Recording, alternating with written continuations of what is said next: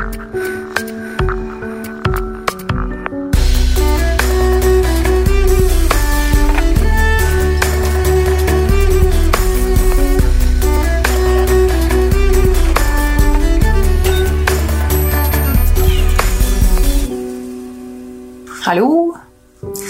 Da er vi i gang, da.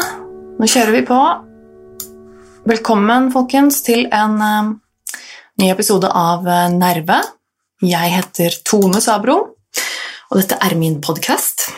Dette er eh, Vi er på nummer 74 nå. Det er ikke så verst, må jeg si. Jeg har, ja, strengt tatt så har jeg jo laget flere enn 74, men eh, ordinær episode nummer 74 Jeg syns ikke det er så ille. I, eh, I dag er det Det er torsdag. Jeg pleier å spille inn dette her på onsdager, eh, sånn vanligvis. Eh, Men denne uka her ble det altså innspilling nå eh, litt seinere enn vanlig. Klokken er eh, halv tre. På, midt på dagen, altså. Um, jeg skulle egentlig nok kanskje ha gjort dette i går, men eh, jeg var litt opptatt med andre ting i går, og så glemte jeg det litt, for å være helt ærlig. Men jeg tenker at det er ikke så farlig. Blir den litt forsinka nå, så får vi bare leve med det. Jeg eh, hadde en eh, eh, For så vidt en veldig hyggelig dag i går. Min samboer skulle da Han skulle i dag reise til Svalbard, faktisk. Av alle steder Svalbard. For noe jobbgreier. Og skulle være borte, han skal være borte da til Han kom hjem på søndag kveld en eller annen gang. Jeg tror faktisk det er det lengste vi har vært borte fra hverandre. eh, Siden vi ble sammen for to år siden. Litt over to år siden. Det er eh, litt eh, spesielt å tenke på. Pleier altså ikke å være så mye fra hverandre. Um, jeg skal nok klare meg, tror jeg. Men eh, uansett så var vi på en liten middagsdate i går. Bare han og jeg eh, spiste litt eh, mat eh, ute på en restaurant. Det var veldig koselig. Han kom hjem, og han drev og pakka litt og litt sånne ting, og så gikk vi og la oss. Og så blir vi vekket klokken Hva var klokken? Den var vel litt over fire på natta. Så vekker det lille beistet oss, altså vår lille valp på fem måneder, som begynner å hyle og bjeffe fra buret sitt. Eh, og hun har da hatt diaré og bæsjet i hele buret sitt og er full av bæsj, så det var jo kjempefint. Så er det opp opp klokka litt over fire, da. Så samboeren min tok med bikkja ut, da, mens jeg rydda driten, bokstavelig talt. Og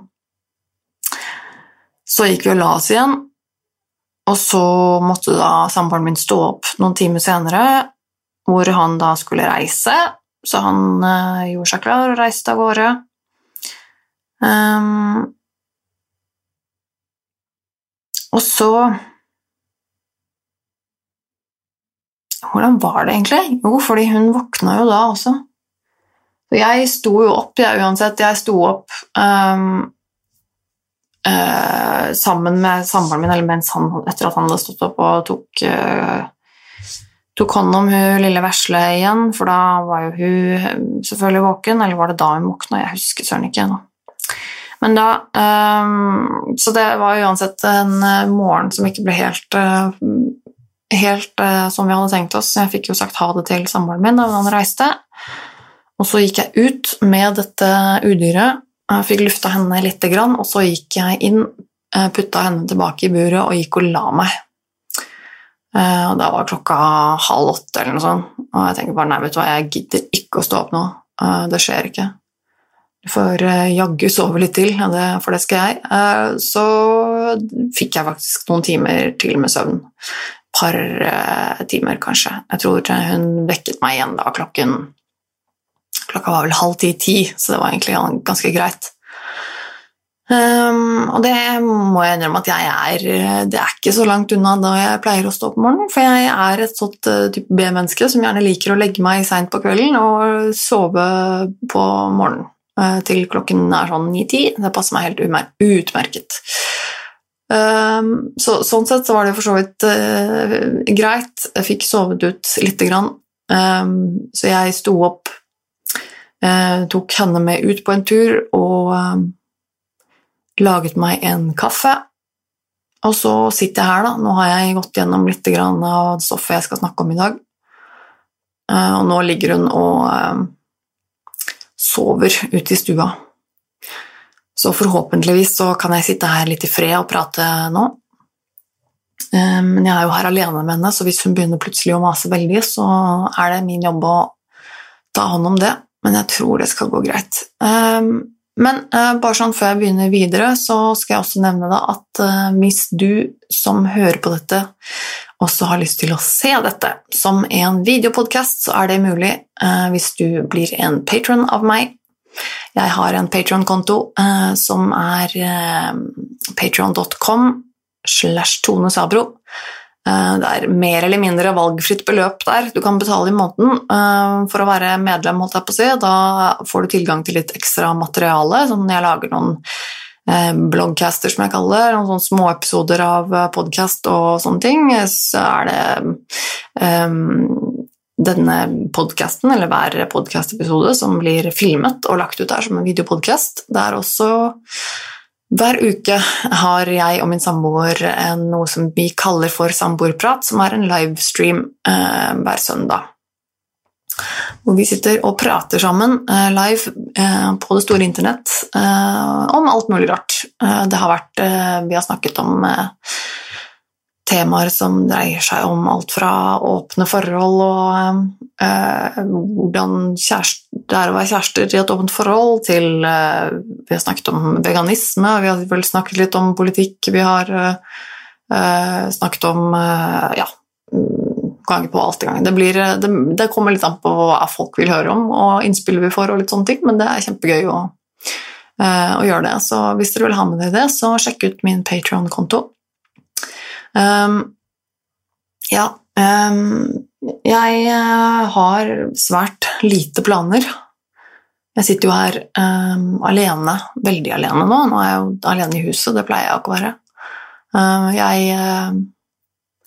uh, skal på en liten date i morgen, faktisk. altså Apropos åpne forhold. Jeg har jo et åpent forhold med samboeren min. Eh, jeg skal på en date i morgen med en fyr som jeg ikke har truffet før, så det blir litt spennende.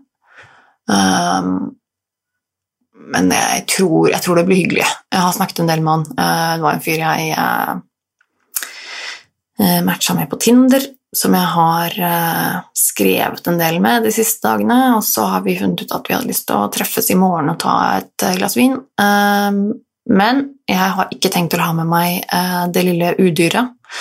Eh, det orker jeg rett og slett ikke å stresse med at hun skal være med på noe sånt. Eh, så hun får bli hjemme, og ergo blir det altså ikke noe lang date. Det blir maks et par timer. For hun er ikke vant til å være alene hjemme så veldig lenge av gangen.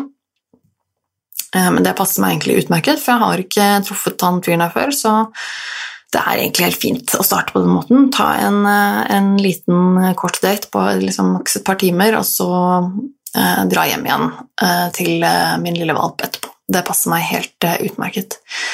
så det blir jo litt spennende. Og så har jeg en venninnedate på lørdag som jeg gleder meg litt til.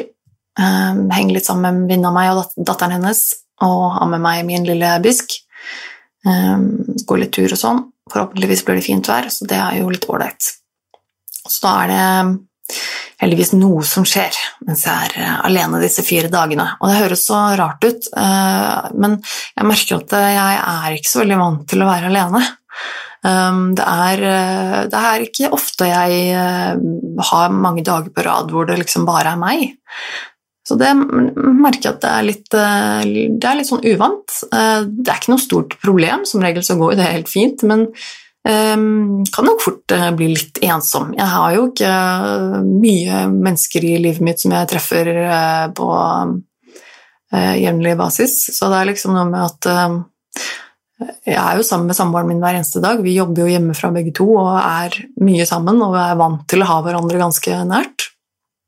Og det her er jo noe som stort sett går veldig, veldig fint. Vi har jo um, Altså, vi, vi, er ikke Overraskende nok så er vi ikke noe, er ikke noe sånn at følelse av at vi går oppå hverandre og at det blir for tett og sånn. Vi har jo en forholdsvis stor leilighet, og vi har um, både soverom og hvert vårt studiorom og, i tillegg til stue og sånne ting, så det er på en måte ikke noe problem, egentlig.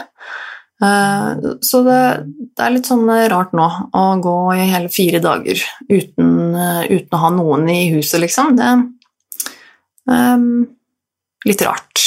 Kommer nok sikkert til å savne han.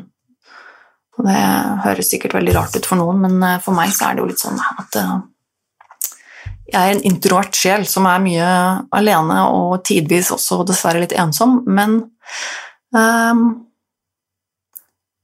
Og er ikke mye sammen med andre mennesker, men likevel så blir det nok kanskje fire dager alene. Det er litt kjedelig. Litt kjedelig. Litt deilig, men litt kjedelig. Men ja, nei, så det blir, um, blir nok mye podkast, og um, jeg skal se om jeg får laget en um, video. Det hadde vært uh, nice å få litt gjort det. Det kommer litt an på hun der lille udyret og hvor mye oppmerksomhet hun krever. Og sånn, og hvis hun har vært litt sånn dårlig i magen de siste dagene, så kan det jo hende at de neste dagene også at det kan bli litt krevende og Ja, vi får se. Vi får se. Uansett, jeg, nei, jeg satt og Jeg hadde en, eh, en liten eh, en, Jeg gjorde meg opp en tanke her. Eh, var det i går kveld eller et eller annet i går en gang? Jeg, fikk, jeg skulle registrere meg på en nettside. Jeg tror jeg satt og så på noen klær eller noe sånt på en eller noen sko. eller noe sånt. Skulle registrere meg som ny bruker. Og da fikk jeg spørsmål om de eh, vanlige tingene. De skal ha navnet mitt og e-postadressen og sånne ting, men så fikk jeg også spørsmål om hvilket kjønn jeg er. Um, og så valgte jeg bare å ikke trykke noe på det, så prøvde jeg å gå videre, men da fikk jeg beskjed om at nei, du får ikke lov å registrere denne kontoen uten at du har svart på dette spørsmålet om kjønn. Og så, gikk jeg, så trykka jeg på den, og så, jeg, og så kunne du velge da du kunne velge eh, kvinne, mann eller 'jeg har ikke lyst til å si det'. Og så valgte jeg Jeg har ikke lyst til å si det. Og så eh, gikk jeg videre, og da gikk det jo greit. Men jeg merka at jeg Jeg merka at jeg reagerte litt på det spørsmålet, bare. Eh, for det var litt sånn uh, Og jeg, jeg, tror ikke jeg egentlig har, hadde reagert så veldig på det liksom for noen år siden, kanskje. Men nå syns jeg det var litt sånn Hvorfor Hvorfor skal de vite det? Um, og det er jo åpenbart at de, de, skal vite det for at de skal ha tilbudskampanjer som de skal sende meg, og da vil de vite om jeg er kvinne eller mann, sånn at de har noe vet hva de skal sende meg av tilbud. Men det er også fortsatt så Jeg kjente jeg ble litt sånn irritert, og så ble jeg sånn Men hvorfor skal du vite Hvorfor skal du vite hvilket kjønn jeg er, egentlig? For det spiller jo ingen rolle. Det er egentlig helt irrelevant. Um, fordi at det, mote og klær og sånn, det, det, handler jo ikke om uh, kjønn lenger i det hele tatt. Det er helt sånn merkelig, syns jeg, fordi um, klær, mote, det, sko altså det, det, handler mer om form, farge, stil, snitt, uh, design. Um, og kjønn er egentlig helt irrelevant oppi det hele. Det er jo uh, så vanlig for kvinner å kjøpe herreklær, og herrer eh, eventuelt kjøpe kvinneklær, eller i hvert fall at det er så mye unisex-plagg eh, der ute nå. At blir helt sånn Er vi fortsatt der, liksom? Det er jo egentlig helt irrelevant hvilket kjønn jeg er. Um, hvis du skal sende meg en eller annen tilbudskampanje, så sørg for å lage en som er bra, da, som retter seg mot begge kjønn, eller alle kjønn, om du vil. Uh, for å si sånn. Og det, det blir litt sånn Jeg kjente jeg ble litt sånn irritert. At uh, det var nesten som å I hodet mitt så ble det på en måte litt absurd. Nesten litt som at det skulle stått at uh, 'hvilken hudfarge har du?' For at de skal kunne sende meg uh, liksom white fashion eller black fashion, liksom, i gåseøyne. Uh, som jo hadde sikkert Som jo hadde vært helt horribelt og sikkert skapt furore hvis det var, tilfellet. Men jeg kjente at jeg det ble nesten litt sånn med tanke på kjønn også nå Det føles veldig utdatert å bli spurt om hvilket kjønn man er i en sånn sammenheng. Ehm, Så det, det syns jeg er Jeg synes det er rart at vi, at vi fortsatt ikke er kuttet ut det. Jeg syns det er merkelig egentlig at det fortsatt er herreavdeling og dameavdeling i klesbutikker og sånn. Kan vi ikke heller Kan vi ikke drite i det? Kan vi ikke bare ha kategorier i klesbutikken, liksom? Kan vi ikke ha samle alt? Bare, det her er kjønnsløst, så det er, spiller ingen rolle. Kjønn har ikke noe å si. Her kan du kjøpe klær ferdig med det, og så inndeler vi det i Eh, avdelinger. Eh, om det er liksom Her er det eh, badetøy, her har du pentøy, og da er det liksom både skjorter og dress og kjoler. Du har hoodies og bukser altså, Og så kan man heller fokusere på snitt. Si at man har Ok, her er det jeans, bukser, og så selvfølgelig finnes det store forskjeller innen bukser og jeans i passform og fasong, men det er jo på en måte irrelevant eh, kjønn oppi det der. For at eh, jeg som kvinne eh, det er jo ikke, altså En kvinnebukse, hva er det for noe? Det er jo ikke nødvendigvis en bukse som passer til meg i det hele tatt, fordi det er jo så store forskjeller innenfor et kjønn også. på en måte, Kvinnemann, whatever. Det er liksom Det er, så merkelig for meg, egentlig. Fordi at jeg har jo selv problemer med å finne bukser som passer perfekt, fordi at jeg har jo min kropp, og min kropp og alle andre damers kropp er jo ikke like i det hele tatt. Eh, så kan man ikke heller liksom ha en avdeling hvor det er bukser, og så kan man si her er det den type bukse som er eh, stramme eller stretchy, her er det en type bukse som er baggy, rett i vinkelen, holdt jeg på å si, den og den type stoff eller den og den type design. Altså det er sånn, hvorfor Hvorfor har kjønn noe med dette å gjøre i det hele tatt? Det forstår jeg ikke. Forstår jeg ikke i det hele tatt. Det er helt irrelevant for meg. Men ja Um, Så det bare var en sånn tankerekke som kom på hodet mitt da jeg fikk det ene lille spørsmålet på den ene lille nettsiden. At det hadde vært så deilig om vi kunne drite litt i det der kjønn-greiene. Uh, bare lage en butikk med klær who the fuck cares om det er herreavdeling eller dameavdeling? Eh, selv går jeg ofte og handler i det som kalles herreavdeling. Jeg kjøper masse klær i herreavdeling. Jeg er jo kvinne, spiller det noen rolle? Nei, det gjør det virkelig ikke. Um, og jeg tenker også det samme må gjelde menn. Jeg vet jo at det er masse menn som også går og kjøper klær i dameavdeling, som liker bukser som er trangere, eller som har Altså, uansett hva du liker, altså, who cares? Du kan vel kjøpe deg en kjole selv om du er mann. Det at det bare er damer som skal gå i kjole, også syns jeg er veldig spesielt. Men det er liksom Nei, eh, drit i det der. Jeg kjente at jeg ble litt sånn ble nesten litt fornærma av at de skulle vite hvilket kjønn jeg var.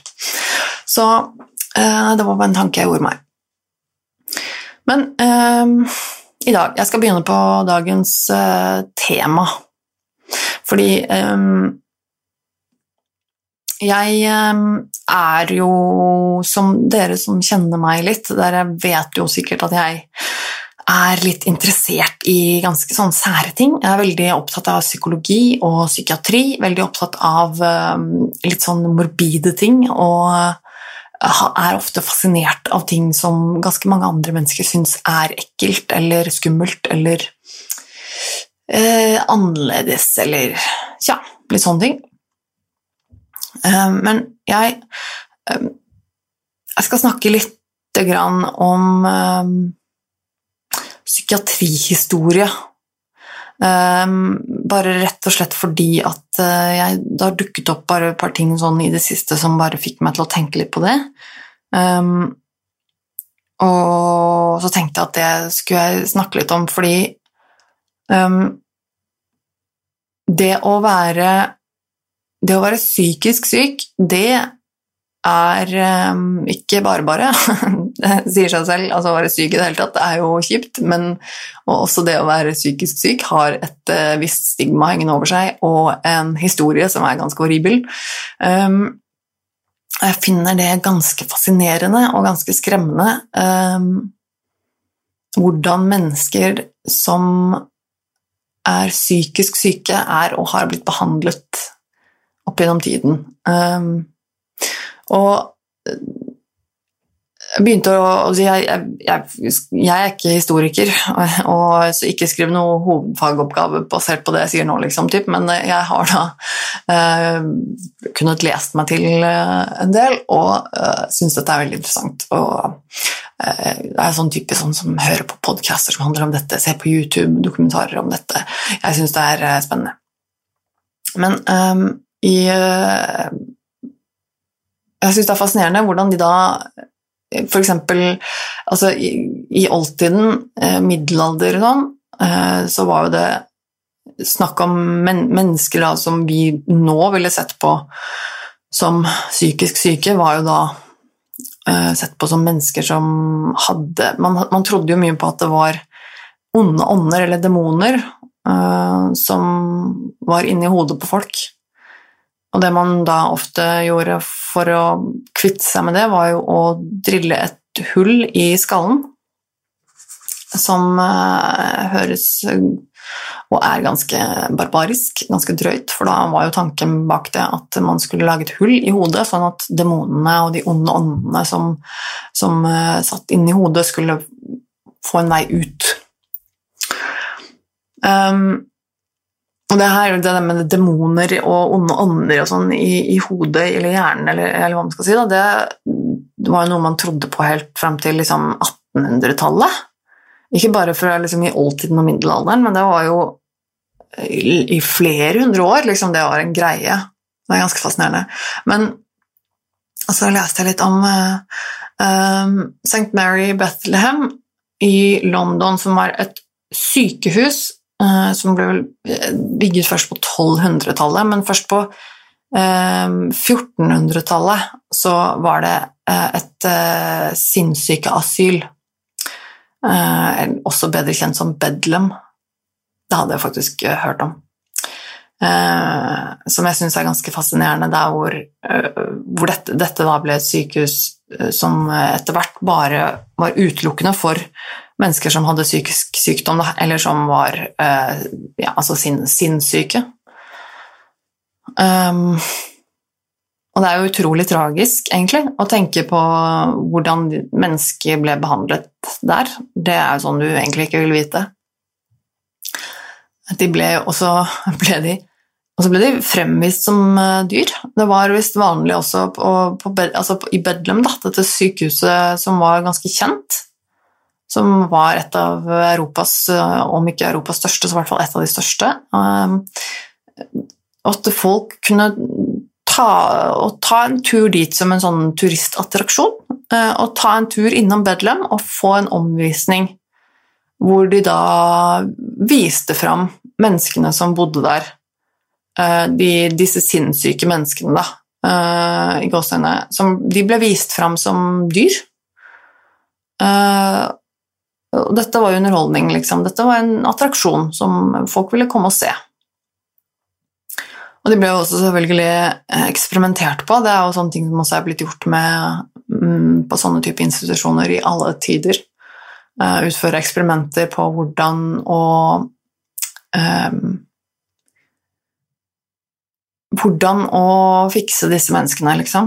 Og det var jo i, all hovedsak ikke fokus på noen behandling, det var jo fokus på hvordan man skulle gjøre dem mer medgjørlige. Hvordan man skulle håndtere disse menneskene enklere.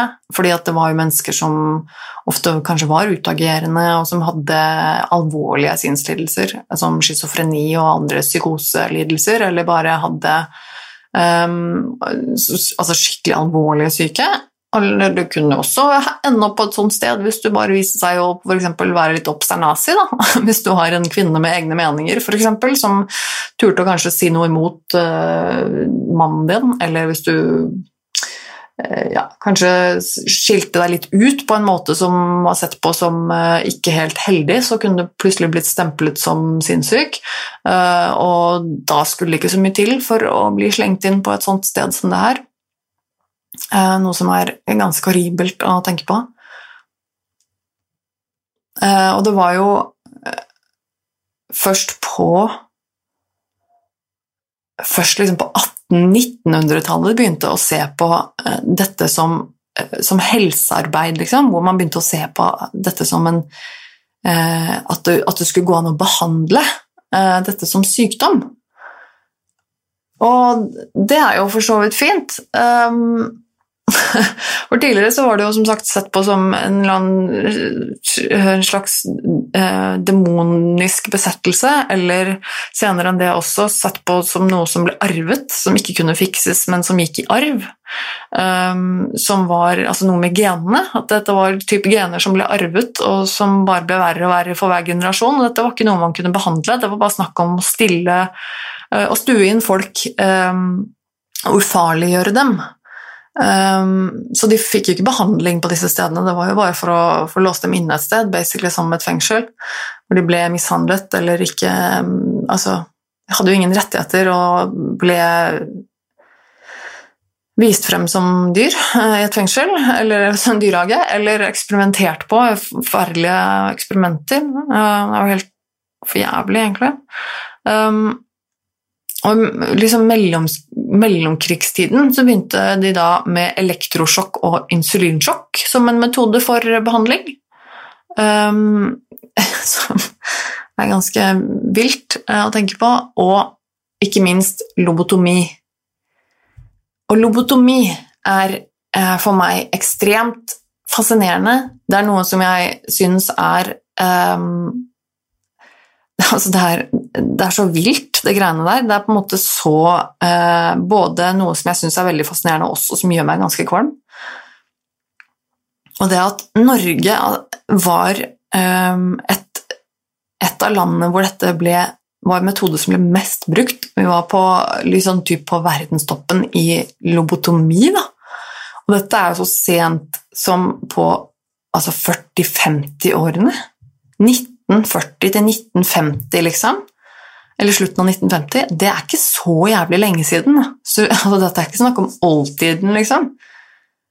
Det ble jo ansett som eh, moderne eh, psykokirurgi, liksom. Og han fyren som eh, oppfant det greiene der tidlig tilbake i årene, ble, fikk jo til og med en, en nobelpris for uh, altså det, det, er helt uh, Det er bisart å tenke på nå.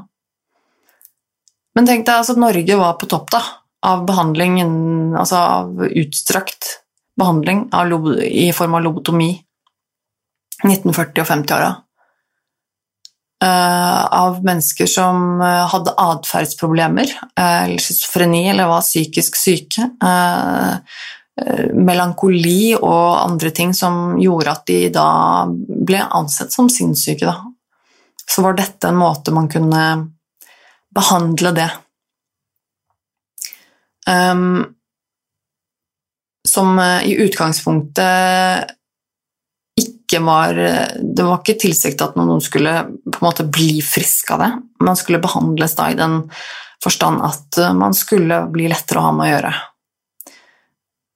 jeg Og, og lettere ha med å gjøre. Altså, det, det, fordi at de da fikk eh, Det ble jo lettere å ha med å gjøre, da, for da var de jo ikke, var jo ikke suteierne lenger og var ganske kanskje apatiske og ikke hadde så mye sosiale eh, Hva heter det? Eh, sosiale sosiale evner eller sånne ting, i, i beste fall. Um, noen døde jo. Eh, egentlig faktisk ganske mange døde. Um, åpenbart. Det er jo helt um, Helt horribelt, egentlig, at de til og med på den tiden, hvor det var så mange, stor prosentandel som døde av inngrepene um, Og det på, på, av mange også på den tiden ble ansett som ganske sånn eksperimentell behandling. Uh, til og med da så var det på en måte innafor å bare gjøre det. Og det var ofte også mot pasientens egen vilje, så dette var på tvang. Hvor det ble da eh, laget et hull i kraniet, eh, hvor da målet var å eh, kutte forbindelsen mellom frontallappen i hjernen og resten av hjernen med da eh, en stålnål, liksom, eller pinne, eller hva man skal kalle det, som, eh, som de stakk inn i hjernen. Eh, og for å da liksom kutte forbindelsen da, mellom frontallappen og resten av, hjernen.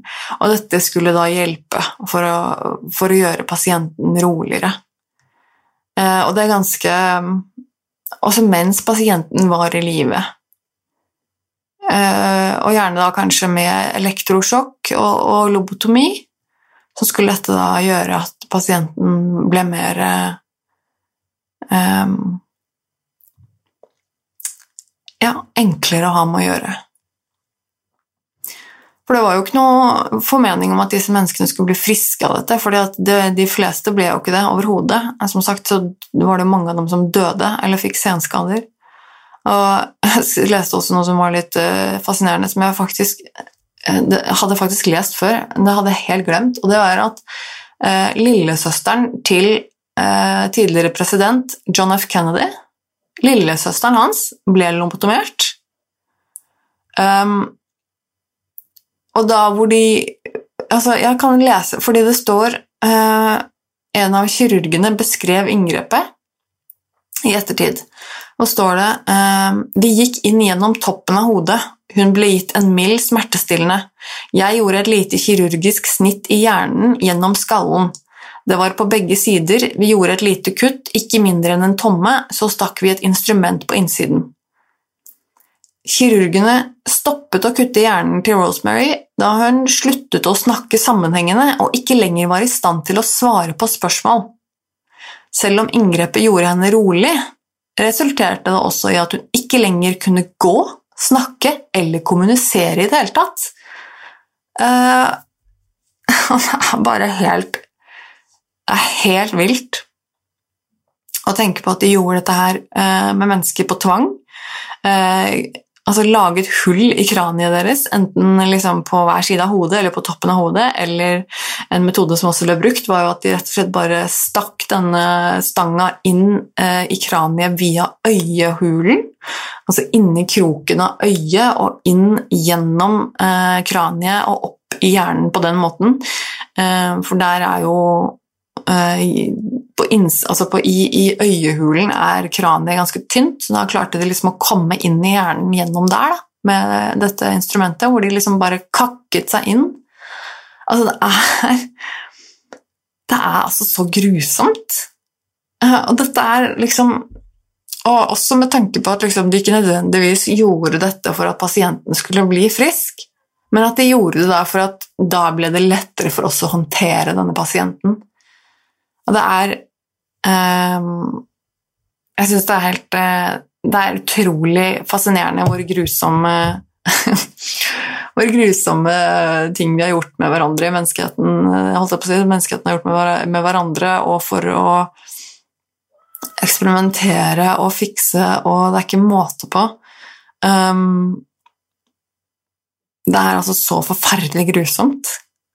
Det er sånn virkelig sånn en ting som gjør meg litt kvalm. og Det er ikke så mye, som, ikke så mye av sånne ting som egentlig gjør meg kvalm, men når det gjelder sånne, sånne type eksperimenter på mennesker som fremdeles er levende, så gjør det meg litt kvalm, faktisk. Um, nei, det, og, og det er liksom det, det, gjorde vi på den tiden. Og det var leger som gjorde det, og, som, og det var liksom innafor å gjøre det. Og selv om de visste at mange av dem kom til å dø uh, rett etterpå eller under inngrepet, liksom uh, Og likevel så kan vi se på liksom Men dette her var jo leger og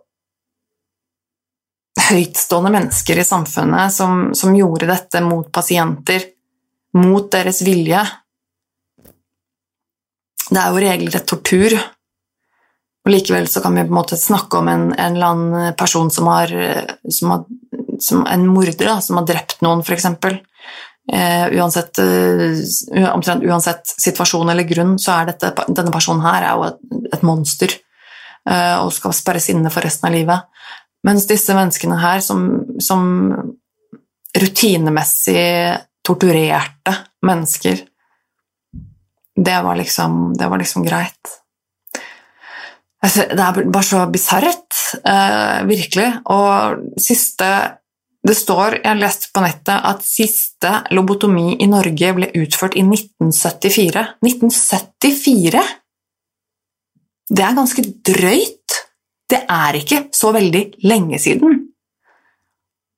Og det er 1974. Det er liksom det året samboeren min ble født, liksom. Det er ganske drøyt. At det, at det er så kort tid siden jeg gjorde siste lobotomi i Norge. Og jeg merka at jeg For grunnen til at jeg begynte å å liksom henge meg, holdt opp, henge meg opp i det her, eller begynte å lese mer om det nå, uh, var Jeg så en uh, Jeg så en episode av Jeg vet ikke om noen er sikkert noen av dere der ute som har hørt om uh, denne podkasten som heter Law, som er ganske kjent og veldig populær, som jeg syns er veldig bra.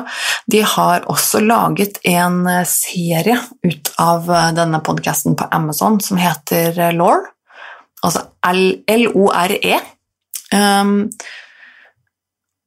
hvor de da basically har tatt på en måte podkast-episode.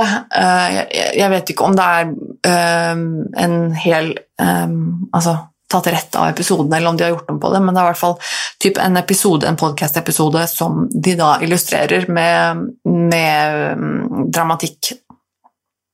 Enten ja, illustrasjoner eller dramatisering av, eh, av det som det snakkes om. Da.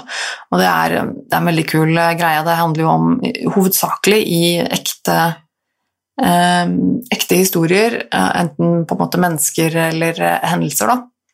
Um, som er ganske interessant. Og der var det en episode hvor de snakket om, uh, om dette er blant annet lobotomi.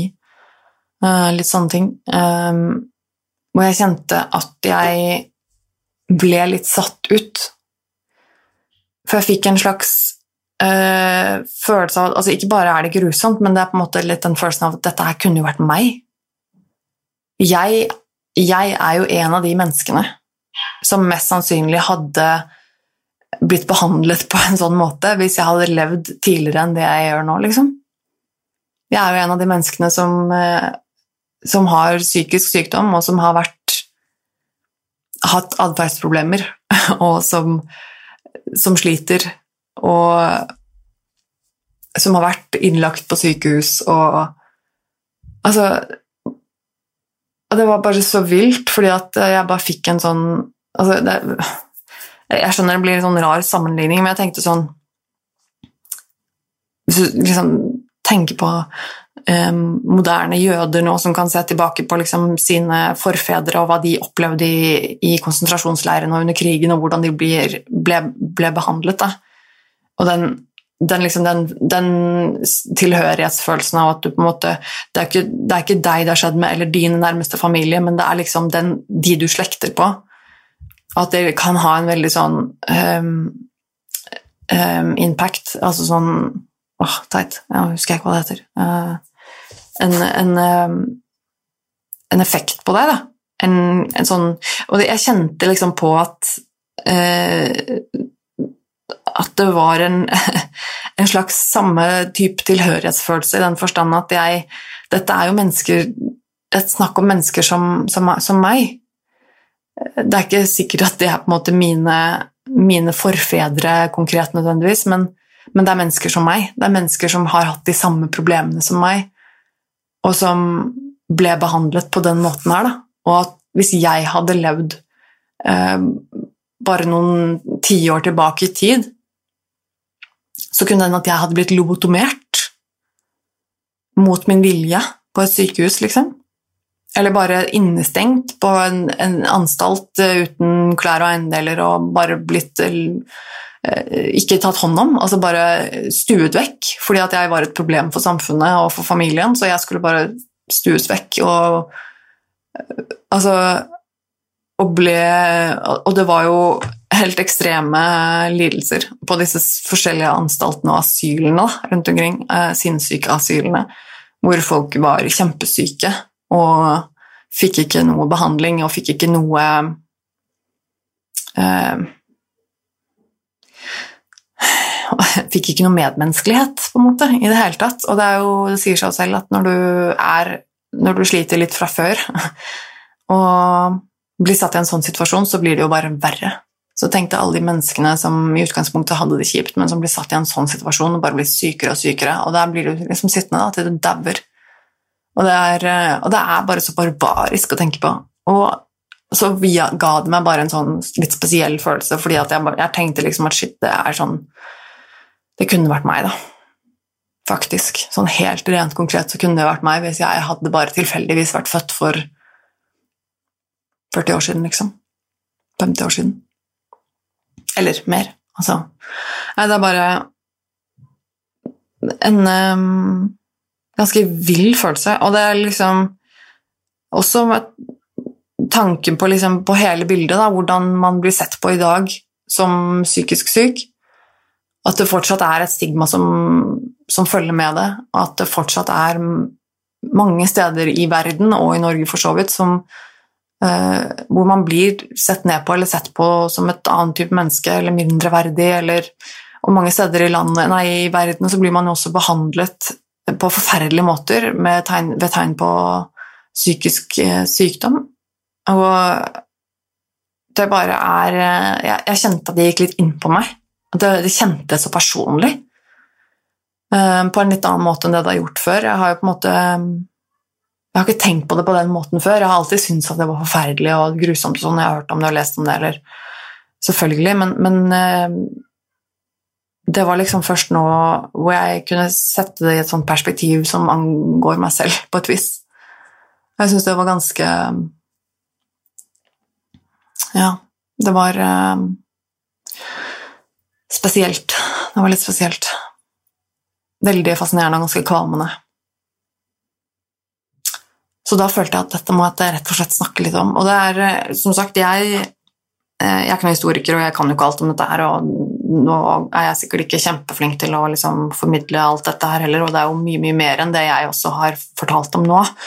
Um, men jeg, jeg, merker at jeg er veldig interessert i det, at jeg, jeg um, At det føles på en måte veldig relevant for meg, da, på et vis. Um,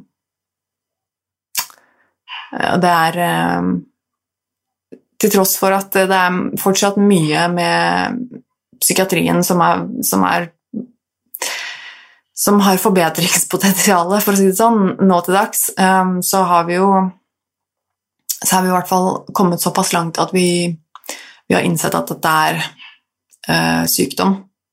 Her i Norge blir det i hvert fall behandlet som sykdom som man på en måte ikke kan noe for, og som skal få en behandling, og en um, heldigvis helt annen type behandling enn den, den man fikk før.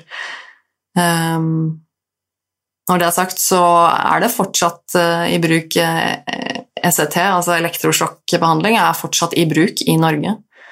Um, bare så det er sagt. Det er også ganske vilt, for det tenkte jeg faktisk ikke over før ganske nylig. Uh, jeg fikk jo faktisk ved en feil en innkallelse til en slik elektrosjokkterapibehandling. Uh, da jeg gikk på DPS, uh, hvor de hadde driti seg ut og sendt det til feil pasient. Som jo er ganske krise. Men de hadde da sendt meg en innkallelse til det, og det var da jeg først ble bare litt sånn Men seriøst, gjør de fortsatt dette? For det hadde jeg egentlig ikke tenkt så mye på. Men det gjør de faktisk. Eh, I noen tilfeller hvor det er snakk om veldig langvarig og veldig kronisk sykdom, eh, så hender det faktisk at man gjør eh, elektrosjokkbehandling på hjernen. Det er ganske drøyt å tenke på. Det er selvfølgelig litt andre forutsetninger for måten det blir behandlet på nå, da, enn det det gjorde før. Men det er likevel litt sånn ja, det, er, ganske, det er litt u, nesten litt sånn urovekkende at shit, driver vi fortsatt med det, liksom. Um, men jeg, så, så, ja, jeg ble litt interessert. Jeg ble litt sånn der, shit, dette her må jeg lese mer om. Jeg må, dette, nå vil jeg se om jeg finner noen gode dokumentarer eller noen gode et eller annet. Um, ja, jeg ble litt opphengt i det, um, rett og slett, de siste par dagene. Så jeg fant ut at um, det var rett og slett noe jeg skulle snakke om. Um, så ja, jeg håper du fant det interessant. Hvis du har noen andre interessante fun facts, holdt jeg på å si, ikke fun facts, men facts, eh, om dette som jeg ikke har nevnt, eller som jeg kunne sjekke ut som hadde vært interessant, så kom gjerne med det. Eh, jeg tar gjerne imot råd og tips, og jeg tipser dere da om denne podkasten slash serien på Amazon som heter Law. Den, det er ikke generelt noe som handler om psykiske lidelser liksom, eller psykiatrihistorie, men, men, det er ganske interessant. Um, syns jeg absolutt. Jeg syns den er kul, så den kan jeg anbefale. Uh, og så Eh, skal jeg egentlig avslutte litt eh, nå, tror jeg. Um, jeg hører at det er et udyr inne i stua som har begynt å bjeffe, så hun er sikkert litt utålmodig. Jeg skal gå og ta med henne. Men um, jeg vil gjerne høre fra deg hvis du har noe å komme med, enten om det er ris eller ros eller tilbakemelding, tips, eh, hva som helst. Um, du finner meg i sosiale medier. Nerve med Tone jeg har jo en egen Facebook-side og en, eh, en Instagram-side eh, tilhørende denne podkasten, som du kan sjekke ut. Der får du tak i meg. Eh, eventuelt har jeg min personlige sosiale medieside, som er Tone Sabro. Også YouTube-videoene mine ligger på Tone Sabro. Og så kan du også sende meg en mail da må du sende den til nervemetone at gmail.com. Og det er, eh, som jeg har sagt eh, før og sier det igjen, jeg leser alt. Det kommer fram. Eh, jeg får lest alt med tid, eller med en gang. Og jeg prøver å svare dere, men jeg, jeg, får ikke svart alle. Eller i hvert fall ikke med en gang. Så, men, men, det er bare jeg som leser det og, jeg, og, det blir lest. Og tusen hjertelig takk for alle som skriver inn, eh, enten om det er smått eller stort. Jeg setter veldig, veldig stor pris på det. Og igjen skal jeg også nevne min Patron. Eh, det er også kun meg som har utbytte av den. Det er eh, alle småkroner som kommer inn der, det går eh, direkte til meg og til denne podkasten og til min YouTube-kanal, og for at jeg skal kunne fortsette med det, rett og slett. For jeg har jo ingen annonsering, jeg har ingen reklameinntekter eller sånne ting på denne podkasten her. Så ja, Sjekk ut patrion.com slash tonesabro hvis du er interessert i å sjekke ut hva, hva, du får der for en liten uh, tilnærmet valgfri krone. Um, det er vel fra jeg tror det er fra 50 uh, 50 euro i måneden Nei, 50, sier jeg. 5! 5 euro i måneden eller oppover uh, er det vel. Noe sånt noe. Gå inn og sjekk, så finner du ut av det. Um, men ja, jeg skal igjen takke alle dere der ute Eh, for at dere hører på podkasten min. Jeg, jeg, digger dere. Dere er skikkelig kule folk. Um, får stadig høre fra nye lyttere der ute som sier 'hei, jeg fant podkasten din', og sånn og sånn, og kommer med fantastisk fine tilbakemeldinger om uh, ja, både det ene og det andre. Jeg syns um, det er uh, rett og slett uh, veldig motiverende. Så tusen takk. Og um, ja, nå begynner jeg å bli sliten i stemmen. Jeg skal avslutte nå, rett og slett. Men vi høres igjen om en ukes tid, tenker jeg. Uh, om ikke før det. Så uh, ja. Takk for meg. Ta vare på deg selv. Ha det bra.